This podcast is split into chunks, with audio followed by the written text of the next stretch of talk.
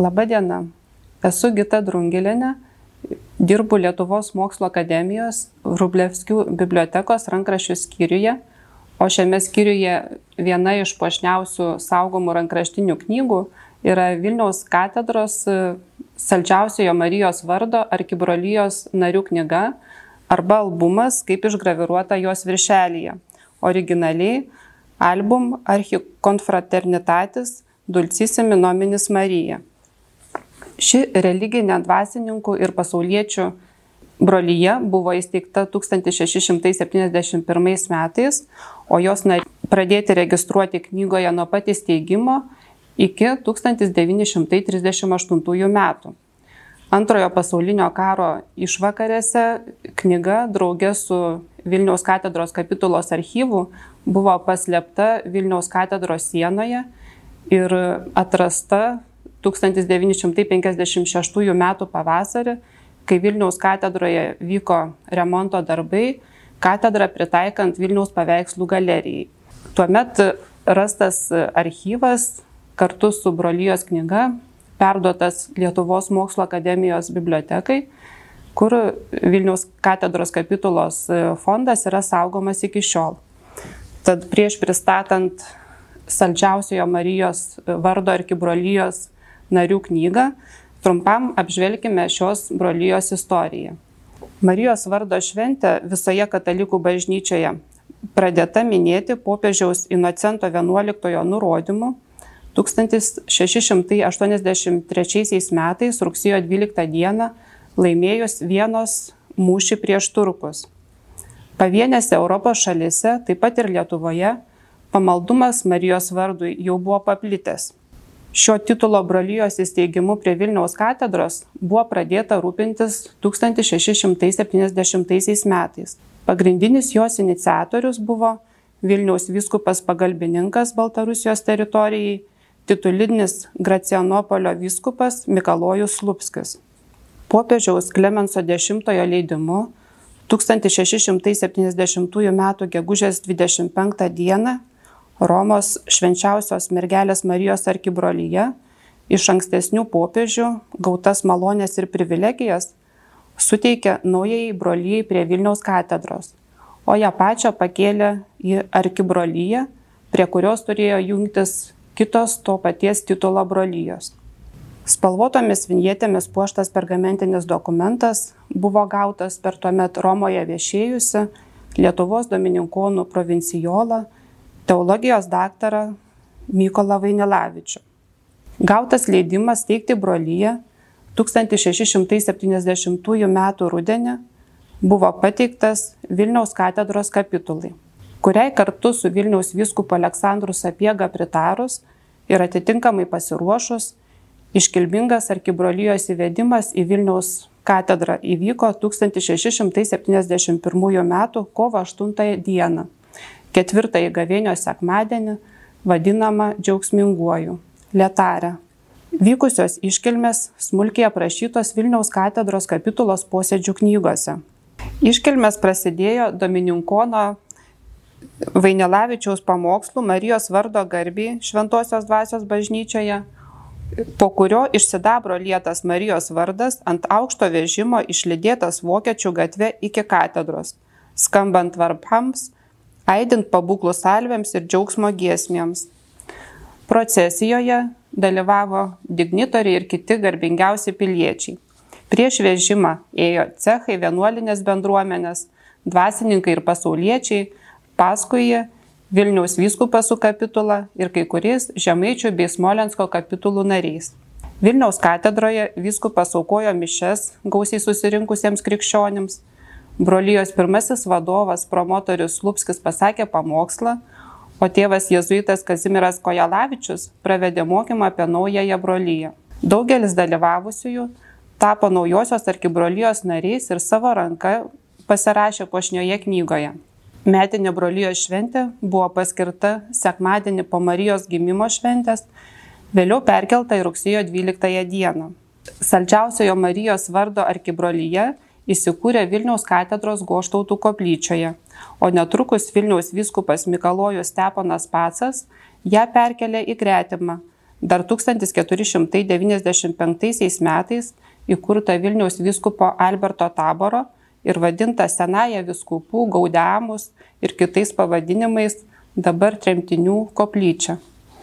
Marijos vardo pavadinimą gavusiai koplyčiai teko vieni sunkiausių išbandymų. 1769 m. rugsėjį audros metu griuvus bokštui su laikrodžiu ir pralaužus koplyčios kliautus, žuvo oficiumą gėdoja dvasininkai ir patarnautojai. Koplyčią teko uždaryti, o pamaldas perkelti į Valavičių koplyčią. Po nelaimę sudarytame Marijos vardo koplyčios inventoriuje pirmiausia buvo įrašyta sidabriniais aptaisais ir užsagomis puošta brolyjos knyga. Po to išvardintos kitos koplyčios vertybės. 1793 metais sudarytame inventoriuje nurodyta, kad dalis naujai atstatytos koplyčios daiktų draugė su brolyjos knyga tebe saugomi skryniuose Šventojo Kazimiero koplyčioje. Apie saldžiausiojo Marijos vardo arkibrolyjos gyvavimą sužinome iš keletos spausdintų knygelių maldynų. Paminėtinos jau 1680 m. gegužės 18 d. Vilniaus kapitulai pateiktos sąskaitos už knygelių su aprašytais Marijos vardo arkibrolyjos įsipareigojimas atlaidais ir pamaldomis spausdinimą. Arkibrolyjai klestinti ir plečiantis buvo rūpinamasi narių dvasiniu augimu. 1691 ir 1693 metais arkibrolijos poreikiams perleistas Lvovo kanauninko Gavato paruoštų Marijos valandų maldynas. Po iškilmingos pradžios arkibrolyje susidūrė su gyvavimo kasdienybėje iššūkiais o naujų narių skaičius e, sparčiai sumažėjo. 18 amžiaus viduryje e, buvo pirmą kartą susirūpinta jos atgaivinimu. Nepasirašęs Pioras Vilniaus katedros kanauninko švenčiausios mergelės Marijos koplyčios ir Eišiškių klebono Tomo Korsako vardu 1755 metais Vilniuje išleido knygą Lenkų kalba Pamaldos švenčiausios mergelės Marijos saldžiausiojo vardo garbiai. Knyga išleista tam, kad, cituoju, Lietuvos didžiosios kunigaikštystės sostinėje apleista brolyje ir jos pamaldos visų paguodai vėl atgytų ir klėstėtų, o po šio vardo vėliava esantis vardai tiek į brolyjos knygą, tiek ir į gyvenimo knygą būtų įrašyti. Citatos pabaiga.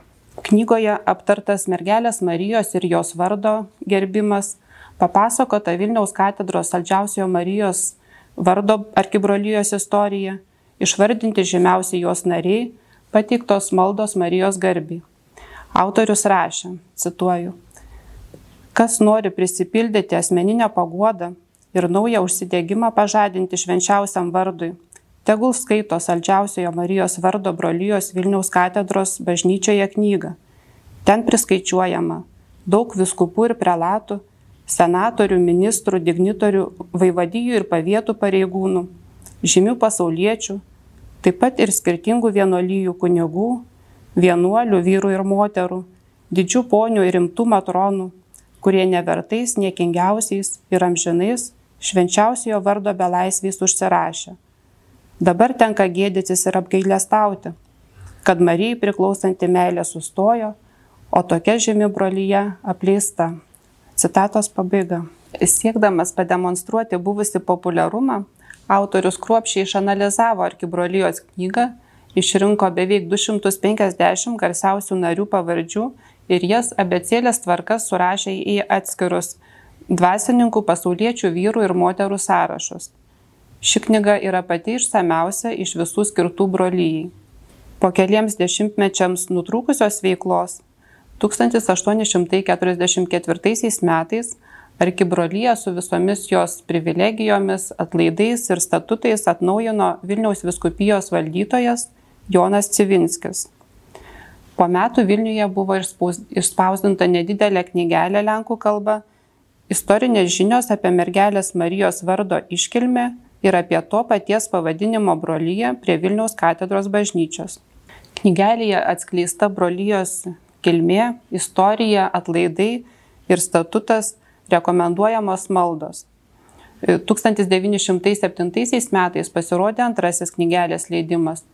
Literatūroje rašoma, kad knygelės pasirodė Vilniaus katedros kapitulos prelatų Augustino Lipniskio ir Jano Kurčevskio pastangomis. Tarpukariu 1928 metais Vilniuje Juzefo Zavatskio spaustuvėje buvo išleista be ne paskutinė ir pati kukliausia brolyjai skirta knygelė Lenkų kalba.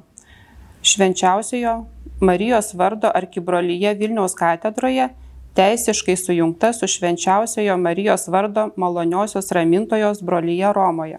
Tokios knygelės maldynai išleisti 1755, 1845, 1907 ir 1928 metais puikiai atskleidžia amžininkų teiktą reikšmę brolyjai, kelis šimtmečius skatinant šį pamaldumą ir vis atgaivinant brolyje. Saldžiausiojo Marijos vardo arkibrolyjai skirtose knygelėse randame informacijos apie brolyjos vidaus gyvenimą, narių prieimimą, nuostatus įpareigojimus bei pelnomus atlaidus. Pagrindiniai nuostatai išliko tie patys tiek XVIII amžiuje, tiek ir XX-ame. Nariai buvo raginami melstis atitinkamą maldelę, kasdien ar bent šeštadieniais, kalbėti penkias psalmes Marijos vardo garbiai arba penkis poterius, eiti iš pažinties ir komunijos Marijos vardo ir kitų svarbiausių Marijos švenčių dienomis, kas kart išgirdus skambinant poteriams, sukalbėti angelo pasveikinimą. Dalyvauti rarotose ir Marijos vardo koplyčioje šeštadieniais gėdamosi votyvose, keliantis ir einant miegoti pamaldžiai ištarti Jėzaus ir Marijos vardus. Visgi amžiams bėgant atsirado pokyčių. Nuostatų gerokai sumažėjo. Neliko įpareigojimo gausinti brolyje, nešioti kokį nors Marijos vardo ženklą - paveikslėlį, medalikėlį ar žiedą, tinkamose vietose piešti Marijos vardą kreiptis malda į Mariją, pamačius jos atvaizdą paveikslę, paveikslėlyje ar škaplieriuje. Vietoj to 20-ame amžiuje atsirado patarimas turėti Dievo motinos paveikslą savo kambaryje. Vilniaus katedros 18 amžiaus vizitacijos liudyje, kad lentelėje surašyti brolyjos nuostatai kabėjo Marijos vardo koplyčioje. Priklausimas saldžiausiojo Marijos vardo arkibrolyjei jos nariams teikia malonės ir dvasinę naudą. Arkibrolyje buvo apdovanota atlaidais.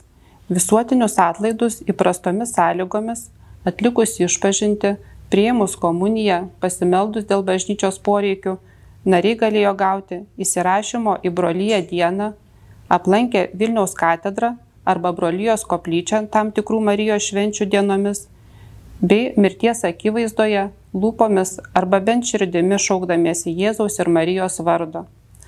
Brolijos nariai galėjo pelnyti ir trumpesnius - 7 metų, 60 ar 100 dienų atlaidus. Marijos vardo dieną dalyvaudami švenčiausiojo sakramento procesijoje, šeštadieniais po mišparų kartu melzdamiesi Marijos litaniją, dažnai su pagarba prisimindami Marijos vardą, taip pat aplankę Vilniaus ar kitą ligoninę ir pagal galimybės davė išmaldą ar padarė kitą gailestingumo darbą ligonėms ar vargšams.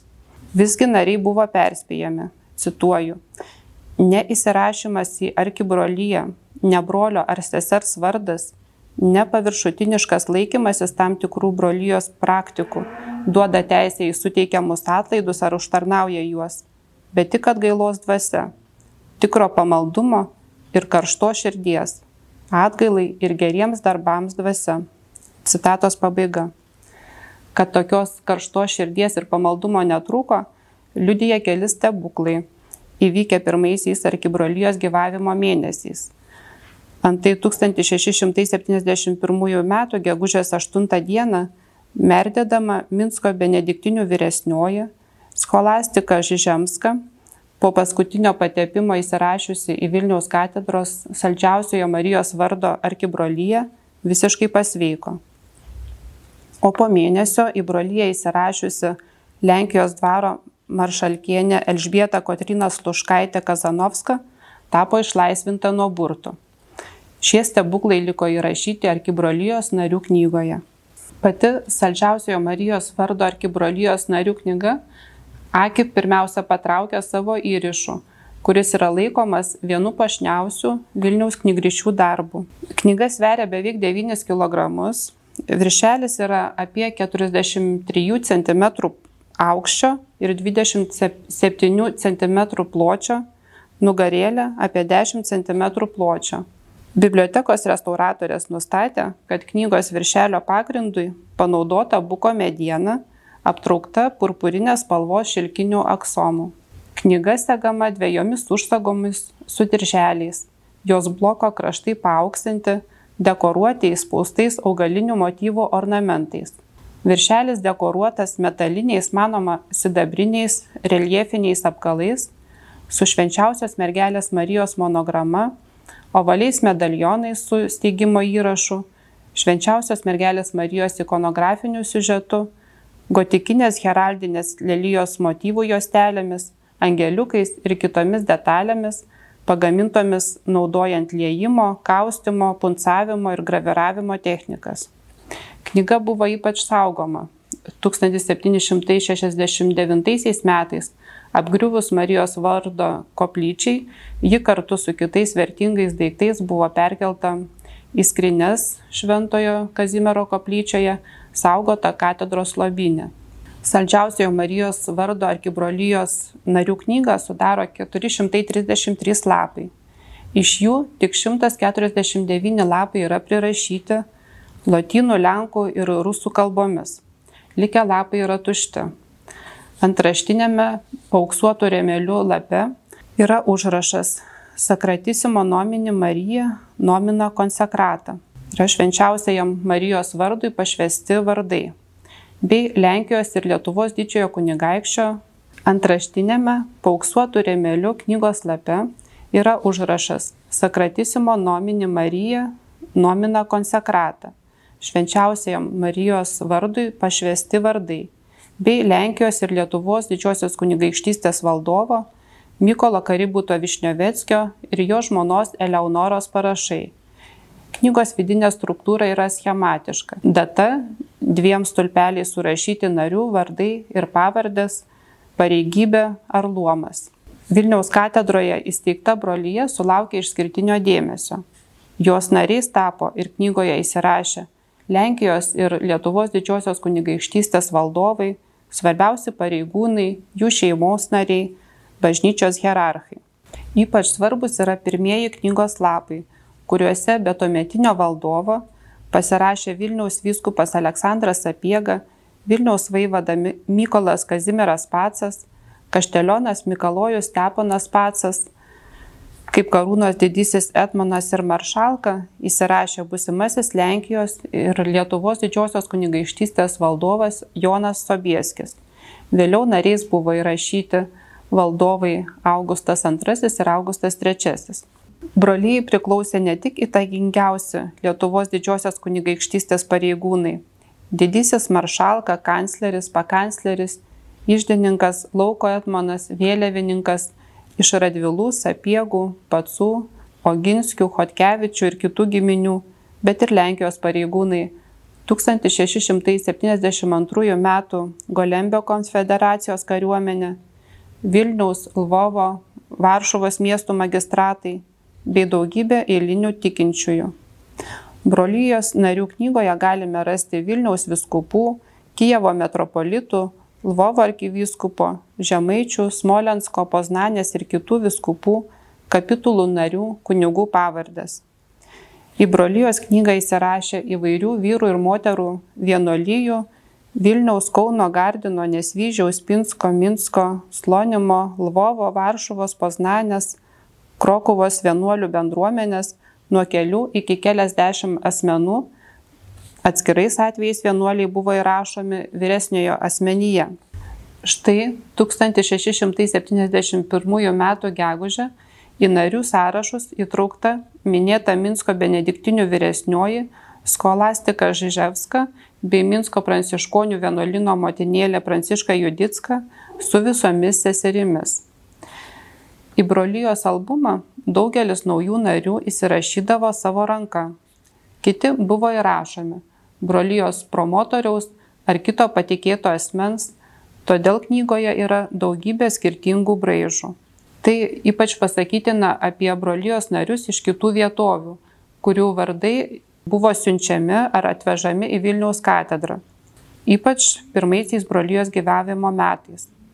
Antai Lenkijoje ir Rusijoje surinkti ir 1674 metais į Vilniaus katedrą atsivežti naujų narių sąrašai už tris metus Saldžiausiojo Marijos vardo arkibrolijos knygoje užima net 15 puslapių. Iš pirmo žvilgsnio sausoje knygos informacijoje aptinkame ir išsamesnių įrašų. Be minėtų stebuklų Knygoje yra užuominų apie asmeninius naujų narių gyvenimo įvykius.